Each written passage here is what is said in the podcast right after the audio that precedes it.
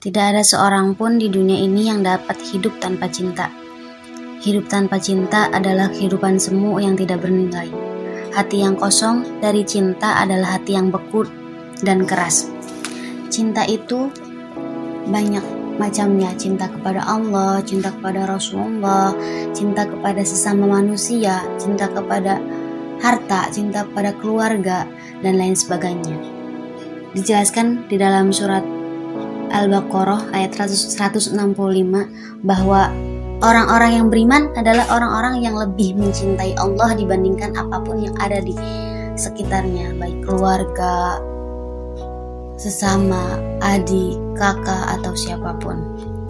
Sedangkan orang-orang yang lebih mencintai keluarganya, anak, istri, kekayaan, rumah, dibandingkan dengan cinta kepada Allah dan Rasulnya maupun berjihad di jalan Allah itu adalah orang-orang yang fasik.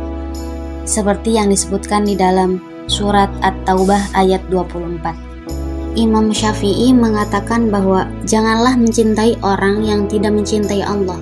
Jika mereka bisa meninggalkan Allah maka mereka juga akan meninggalkanmu. Sedangkan Imam An-Nawawi mengatakan aku mencintaimu karena agama yang ada padamu jika kehilangan agama dalam dirimu, maka hilanglah cinta kepadamu. Cinta itu tak pernah meminta untuk menanti. Ia mengambil kesempatan atau mempersilahkan.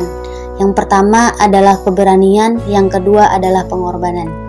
Cinta itu bukan melemahkan hati, bukan membawa putus asa, bukan menimbulkan tangis, tapi cinta menghidupkan pengharapan, menguatkan hati dalam perjuangan menempuh kehidupan, meningkatkan semangat kita untuk terus beribadah kepada Allah, tapi jangan sampai cinta kepada sesama, cinta kepada keluarga, kepada istri, kepada suami, terhadap kasih itu melebihi cinta kita kepada Allah. Karena seperti yang ada di dalam surat At-Taubah tadi, bahwa orang-orang yang lebih mencintai dunia dibandingkan Allah, Rasulnya, dan untuk berjihad di jalan Allah, itu adalah orang-orang yang fasik.